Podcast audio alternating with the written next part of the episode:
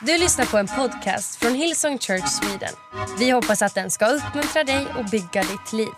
För att få mer information om Hillsong och allt som händer i kyrkan, gå in på hillsong.se. Yes, tack Petrus.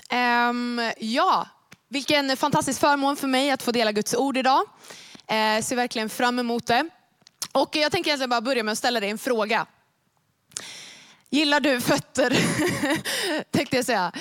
Gillar du fötter? Jag kan säga så här, för min egen del, det är absolut någonting som jag tycker är um, inte så trevligt. Men det finns ett par fötter som är kanske de bästa du kan vara vid och det är faktiskt Jesu fötter. Så det är det som jag kommer predika om idag. Att leva ett liv tillsammans med Jesus och att leva ett liv vid Jesu fötter. Och eh, det intressanta om du läser i Bibeln så står det om i Lukas evangeliet sex stycken olika stories.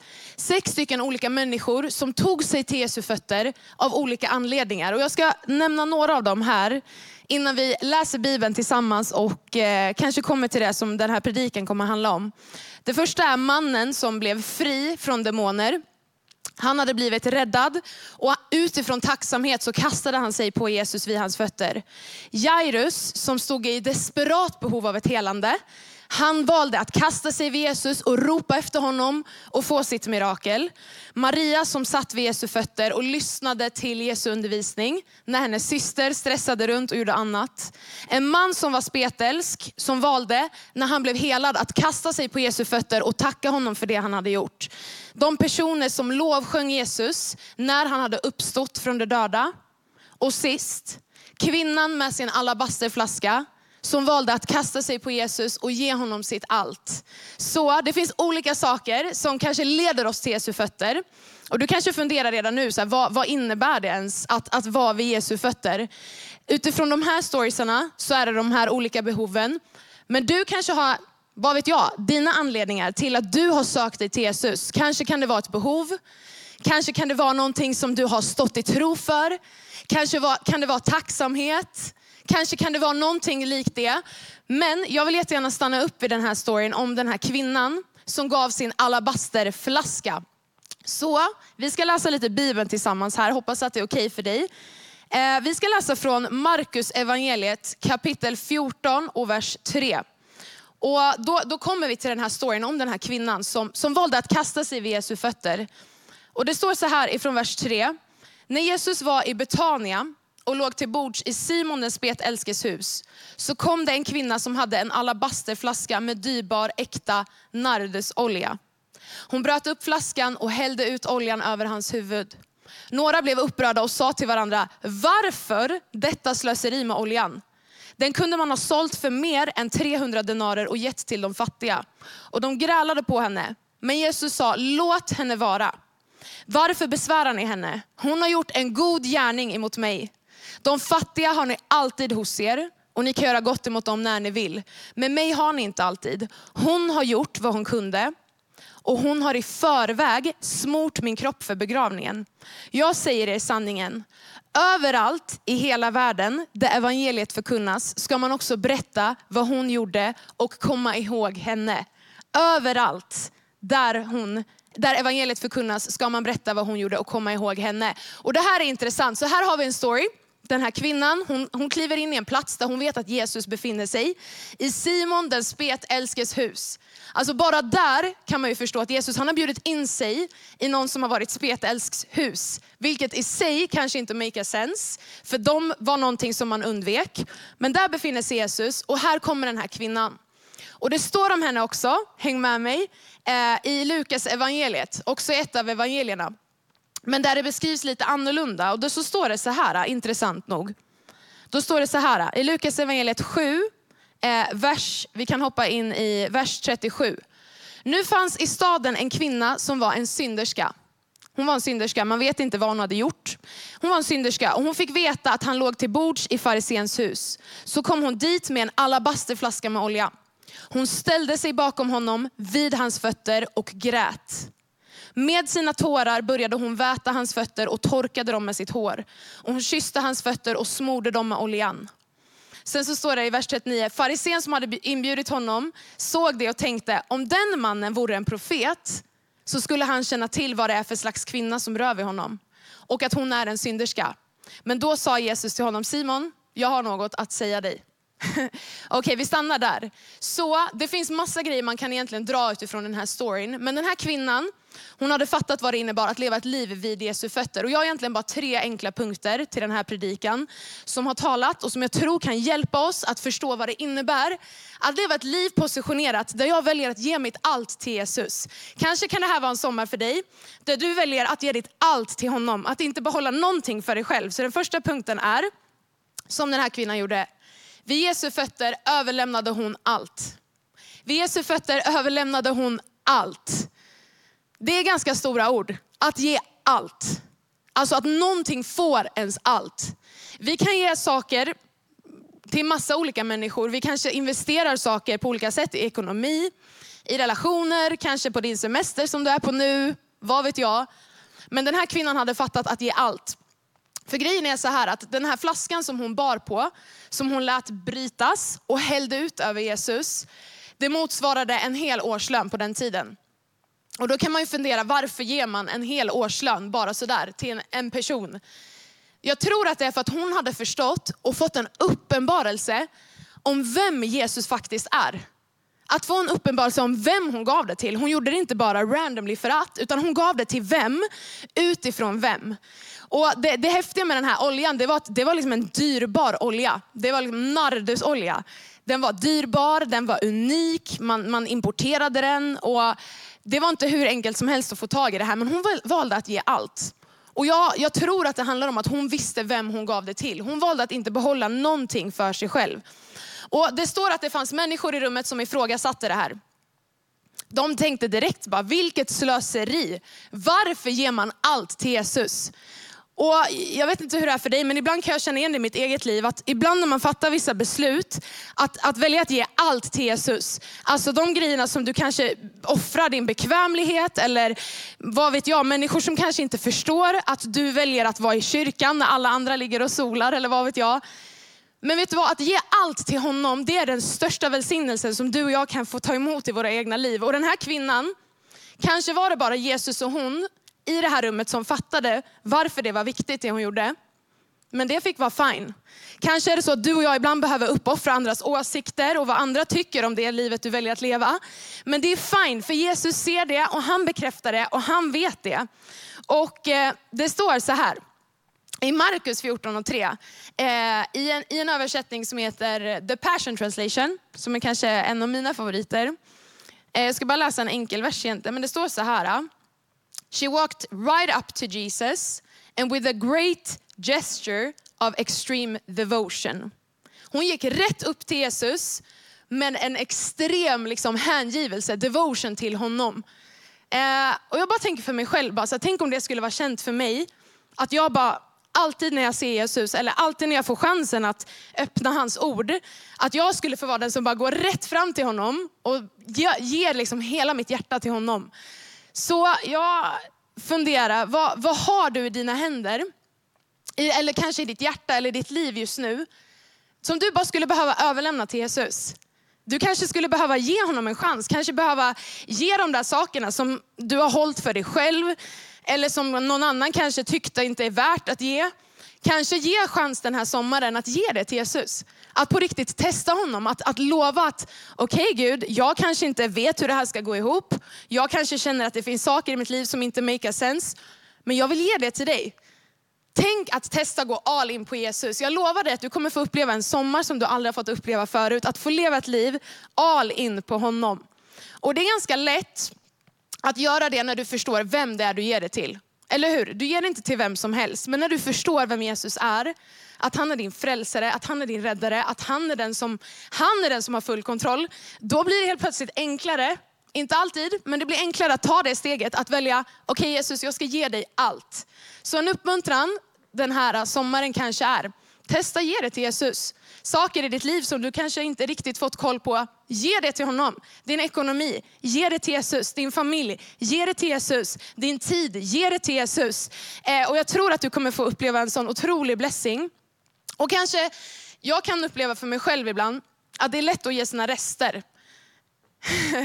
ibland när man bara känner så här, ja, det finns grejer i ens liv som man bara tänker så här, ja, det här kanske, ja, jag ger det här men jag behåller det här för mig själv. Men Gud, han förtjänar vårt finaste. Han förtjänar vårt finaste. Han förtjänar hela flaskan. Han förtjänar allt, för han har gett oss allt. När jag fattar att han är min frälsare, att han har gett mig allt, då måste ju jag såklart ge honom allt tillbaka. Okej, okay, så det första punkten är, du och jag, vi kan ge allt till honom. Vi kan testa att ge allt till honom. Den andra punkten är, vid Jesu fötter blev det brustna helt. Vid Jesu fötter blev det som var brustet helt. Det står i, ehm, i Markus evangeliet eh, 14 och 3. Hon bröt upp flaskan och hällde ut oljan över hans huvud. Hon bröt, ut, hon bröt flaskan och hällde ut oljan över hans huvud. Och det intressanta är om man läser på om den här flaskan, den här alabasterflaskan. Eh, du kanske inte har någon sån i ditt hem. Du kanske har en vanlig matolja som du brukar laga mat med. Den här alabasterflaskan, det är ingen liksom flaska med en liten kork som du skruvar upp hur du vill och stänger på halvtom flaska. Utan du behövde bryta upp den här flaskan för att innehållet skulle komma ut. Och det säger mig en sak, att när vi ger allting till Jesus, alltså när det där innehållet, det där dyrbara som finns på insidan, ges till honom, då är det inte med tanken av att jag ska liksom behålla lite, lägga på skruvkorken och lägga tillbaka resten i hyllan. Utan det är att jag bryter upp flaskan så att allt kan komma ut. Och det är no turning back. Det är no turning back. Jag kommer inte försöka skruva på någon flaska, utan jag har liksom gett allting till honom. Och jag behöver för mig själv påminna mig om hela tiden, ni vet hur enkelt det är, man ger vissa bitar, sen tar man tillbaka det, sen ger man det. Och sen tänker man, Gud nu har jag gett dig all kontroll. Gud nu har jag gett dig allt jag har. Gud nu har jag gett dig alla mina drömmar. Gud nu har jag gett dig min framtid. Och sen så börjar man ta tillbaka kontrollen. Men tänk om vi skulle vara kända för, jag vill med mitt liv vara känd för, no turning back. Det finns en låt vi brukar sjunga i vår kyrka ibland, som heter så här, I have decided to follow Jesus No turning back, no turning back. Kanske är det så att du har haft vissa så här nödutgångar i ditt liv som tänker så här, okay, jag ger det till Jesus all in, men jag har vissa så här side-grejer som jag också löser vid sidan av. Eh, kanske våga släppa de extra grejerna du har och ge allting till honom. Ge allting till honom, no turning back. För det häftiga är att flaskan bröts, men hon blev hel. Flaskan bröts men hon blev hel. Det var utbytet. Hon bröt upp någonting och gav honom allt och smorde Jesus. Men på köpet så fick hon möta en frälsare och hon fick bli hel. Så kanske är det så att du har haft saker i ditt liv, precis som jag ibland, eller som oss alla egentligen, eh, där vi, vi försöker polera saker. Vi, vi lever i en värld, som ni alla vet, med Instagram, jag vet inte vad du har för sociala medier, TikTok eller whatever. Eh, där vi, vi lär oss att vi ska polera saker, vi ska visa upp våra bästa sidor. Och ibland är vi också så mot Gud. Jag, jag fastnar i den fällan ibland, att man, som, att, som att inte han skulle se allt. Som att inte han redan vet allt. Men det är som att vi fastnar i att säga, okay, men nu ska jag göra det här på mitt sätt och Gud du får se det fina här. Men det finaste med Gud, det är att han, han, han ser allt. Alltså han vet allt. Men han älskar oss mest av allt. Och han älskar inte alltid det vi gör, han älskar inte alltid synd, han älskar inte alltid brist av det som vi har i våra liv. Men när vi ger det till honom så kan det som är brustet få bli helt. När vi ger det till honom så kan det få liksom, på något sätt skapa den där helheten som du och jag inte kan skapa någon annanstans. Så flaskan brast men hon fick bli hel. Så min fråga till dig är, kanske är det så att du har haft hinder att komma till Jesus. Den här kvinnan hon kallades synderska, eller hur? Hon kallades synderska. Man vet inte exakt, men man kan tro att hon kanske var prostituerad eller att det fanns saker i hennes liv som, som gjorde att hon fick den stämpeln. Du kanske inte behöver kallas synderska, men du kanske har andra stämplar på dig själv, där du tänker att du inte är tillräckligt bra för att komma till Gud. Eller att du, det finns saker som hindrar dig, liksom att du har struntat i din bibelläsning, eller att du har gjort fel igen, eller råkade ljuga eller whatever. Jag vet inte vad det kan vara. Det är, det är mänsklighet, det finns synd i våra liv, så är det ju bara. Men det är därför vi behöver Jesus. Brustenheten är inte någonting som ska dra oss bort ifrån honom. Det är någonting som ska göra oss beroende av honom. Att komma nära honom, att leva ett liv där jag säger att jag klarar inte en dag i mitt liv, i mitt kristna liv, utan hans nåd och utan att jag har honom i mitt liv. Det går inte. Och jag vet inte om du är som mig, som kollar på märkliga serier. Jag har några sådana saker som jag kollar på. Bland annat ett program som heter Extrema samlare.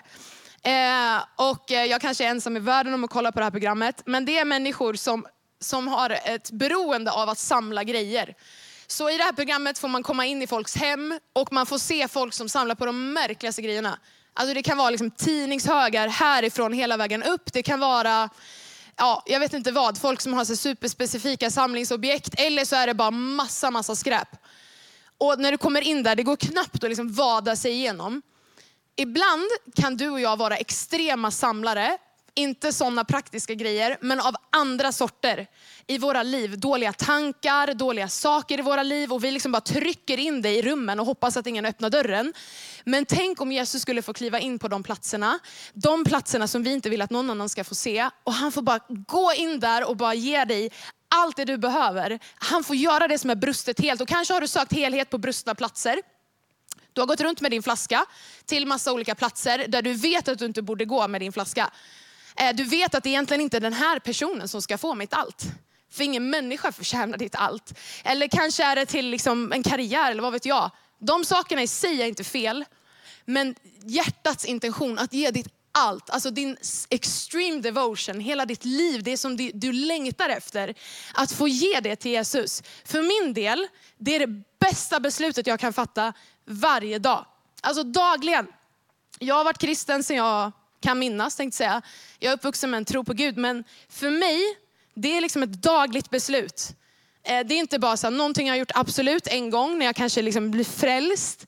Men dagligen ta mig till Jesus. Dagligen ta mig till hans fötter. Dagligen säga Jesus, din vilja, inte min vilja. Dagligen komma till honom.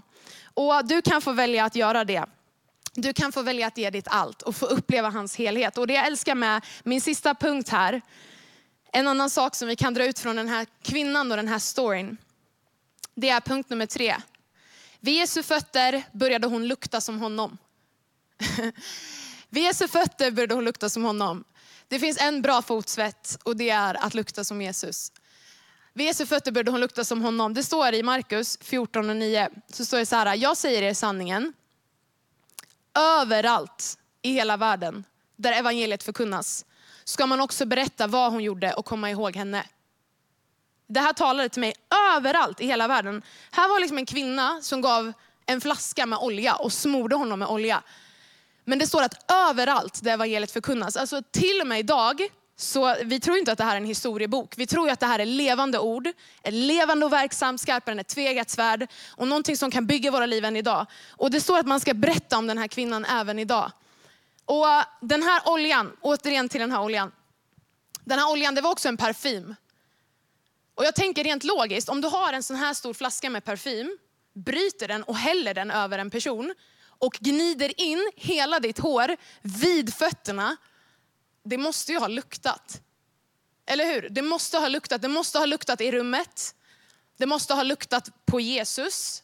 Hela hennes hår måste ha luktat. Jag vet inte vad du använder för parfym, men en sprut av en parfym kan lukta väldigt starkt. Här är en hel flaska. Hon måste ha luktat som Jesus när hon gick därifrån. Tänk om det skulle vara känt för dina och mina liv, att vi luktade som Jesus. När var senast du gnuggade dig själv mot Jesus? När du umgicks med honom och där du gick in sen, i rum, i konversationer med din familj den här sommaren på din semester, att du luktade som Jesus.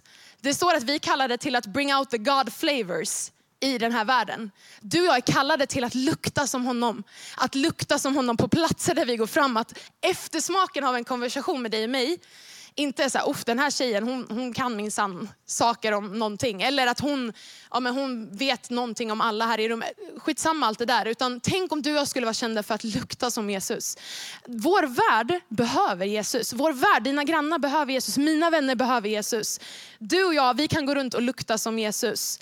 Och... Eh, jag eh, var i en, i en butik för några år sedan.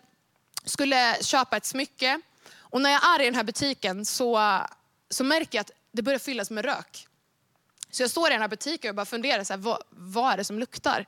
Ni vet den här känslan, du känner att det är en hemsk lukt, men du vet inte vart den kommer ifrån. Jag vet att youth i morspitten, ja, där vet man vart den kommer ifrån. Men här så stod jag där och insåg att den här röken kom ifrån mitt eget hår. Jag hade liksom vält mig över ett värmeljus som stod vid kassan, så mitt hår började brinna. Som tur är så hjälpte vi att släcka det. Och det var liksom, jag har ju kvar hår på huvudet, så det var inte så illa. Men jag kan säga att den lukten som var i den där butiken, det är något bland det värsta jag har känt. Och det luktade så illa så de behövde ta ut alla som var i butiken därifrån. De behövde liksom sanera med så här doftsprayer och allt möjligt. Och jag skämdes något enormt. För det var jag som hade orsakat den här lukten. Men tänk om det skulle vara sant om dig och mig. Att det skulle inte gå att ignorera den här lukten om dig och mig. Att vi hade umgåtts med honom. Att vi hade, liksom, människor längtar inte efter att höra dina och mina ord. Det är faktiskt sant. Människor längtar efter att få höra Gud. Att få höra hans ord. Om du och jag fyller våra liv med hans ord Kanske börja morgonen den här sommaren med att fylla dig med hans ord. Tänk då de människorna du möter, då är det inte bara liksom en spontan uppmuntran, utan det kan få vara Guds eh, det kan få vara Guds egen andedräkt in i någon annan människas liv. Tänk om det skulle få vara sanningen om dig och mig. Tänk om vi skulle få göra det. Så min fråga är, vad, vad hindrar dig? Vad hindrar dig från att vara nära honom? Vad hindrar dig från att vara precis vid hans fötter? Vad hindrar dig från att ta dig till den platsen, att leva ett liv vid Jesu fötter? Vet du vad? Bibeln säger så här i andra krönikeboken 16 och 9. För Herrens ögon sveper över hela jorden för att stärka dem som med sina hjärtan ger sig hän åt honom. För Herrens ögon sveper över hela jorden. Alltså Herren han letar över hela jorden för att stärka dem. Alltså ge styrka till dem som ger sig hän. Att ge sig hän, att ha ett hjärta som ger sig hän. Att ge sig hän det kan låta som ett gammalt ord. Att ge sig hän, det är att ge allt. Det är att bestämma sig för att ge allt. Gud, han letar efter människor just nu som med hela sitt hjärta vill ge sig hän åt honom. Som vill ge allting till honom. Du och jag, vi kan leva ett liv i Jesu fötter. Du och jag, vi kan välja att ta en position där vi säger Jesus, inte min vilja, din vilja. Jesus, allt jag har, det tillhör dig. Den här sommaren, jag ska vila, jag ska ha det nice. Men Gud, jag ska gå all in på dig. Mina konversationer ska ära dig, mina tankar ska ära dig. Kanske ta dig till den platsen där han är, i Guds hus. Kanske utmana dig själv att gå till kyrkan den här sommaren. Om du hade tänkt att bara länka in, varför inte gå till något av våra campusar? Att vara på platsen där han är, att positionera dig vid hans fötter. Det kan få vara en plats i ditt liv, att vara vid Jesu fötter. Inte absolut i kyrkan, men det kan också vara en position i ditt liv. På morgonen, innan du går och lägger dig, i dina konversationer. Jag väljer att leva ett liv vid Jesu fötter. Jag väljer att ära honom vid Jesu fötter. Jag väljer att ge allting till honom vid Jesu fötter. För vet du vad, vid Jesu fötter får du sanningen om vem du är. Vid Jesu fötter får du nåd. Vid Jesu fötter blir det som är brustet helt. Vid Jesu fötter får du passion. Vid Jesu fötter får du vision för det som ligger framåt. Vid Jesu fötter fyller du på det där som bara Jesus kan fylla på. Och vid Jesu fötter blir du hel. Så du och jag, vi kan välja att leva ett liv i Jesu fötter. Och kanske det bästa sättet att göra det, det är att först och främst börja med att bjuda in honom i ditt liv. Och vi, vi gör det här alltid varje gudstjänst och det är att bjuda in dig till en chans att säga ja till Jesus. Kanske är det så att du aldrig ens har hört om Jesus. Det här är helt nytt för dig. Och jag förstår att det måste kännas liksom stort att ens greppa allt det här. Men Jesus är en person som inte bara vill vara någon du besöker, som inte bara vill vara någon du känner till, utan någon du känner. Och han älskar dig, han vill ha en relation med dig. Och det bästa med vår Gud är att han inte är långt borta. Han är inte någon som, som står där och liksom pekar ut någons fel, utan vi har en Jesus som kom ner hit själv, som står med öppna armar och som vill ta emot dig och leva i en relation med dig. Så du ska få chansen att göra det just nu. Jag ska bjuda in dig till en bön i slutet av det här mötet. Att säga ditt ja till Jesus. Kanske är det allra första gången som du gör det här. Vet du vad, det är ett stort beslut, men det borde inte vara ett svårt beslut, för det är det bästa beslutet som du kan fatta. Att bjuda in honom i ditt hjärta för första gången. Och när du gör det, då kommer du få upptäcka allt det Gud har för dig. Så du ska få göra dig redo. Om du känner Vanessa, om det är så att Gud är på min sida, om det finns en Jesus där jag kan välja att leva mitt liv vid hans fötter, där det brustna kan bli helt, då vill jag ha det. Då, ska, då är den här bönen för dig. Och jag ska, jag ska be dig göra en modig sak där du är. Oavsett om du sitter i ett, ett mötesrum eller om du sitter hemma själv, så ska du göra den här saken tillsammans med mig. Men jag vill också bjuda in dig. Du kanske finns här som, som har länkat in också som du har haft en relation med Jesus. Men helt ärligt så kanske du känner att det finns just hinder. Eller det finns saker som har gjort att det där som du en gång gav ditt allt till, kanske du inte riktigt ger ditt allt till längre. ikväll och den här dagen, den här sommaren, då ska du få din chans att återigen ge ditt allt till honom. Så det här bönen är faktiskt också för dig. Så vi ska göra en praktisk sak. Om du vill får du gärna blunda där du sitter. Eh, så att du inte stör någon annan eller kanske dig själv. Och det här är ett tecken till Jesus. När jag räknar till tre, om du känner Vanessa, jag skulle behöva bjuda in Jesus i mitt liv den här morgonen eller den här dagen, då, då ska du få göra det. Så jag kommer räkna till tre och jag kommer be dig räcka upp din hand. Och när du räcker upp din hand, då är det ett tecken till Jesus där du säger Jesus, jag bjuder in dig i mitt hjärta. Så gör dig redo. Ett, två, tre.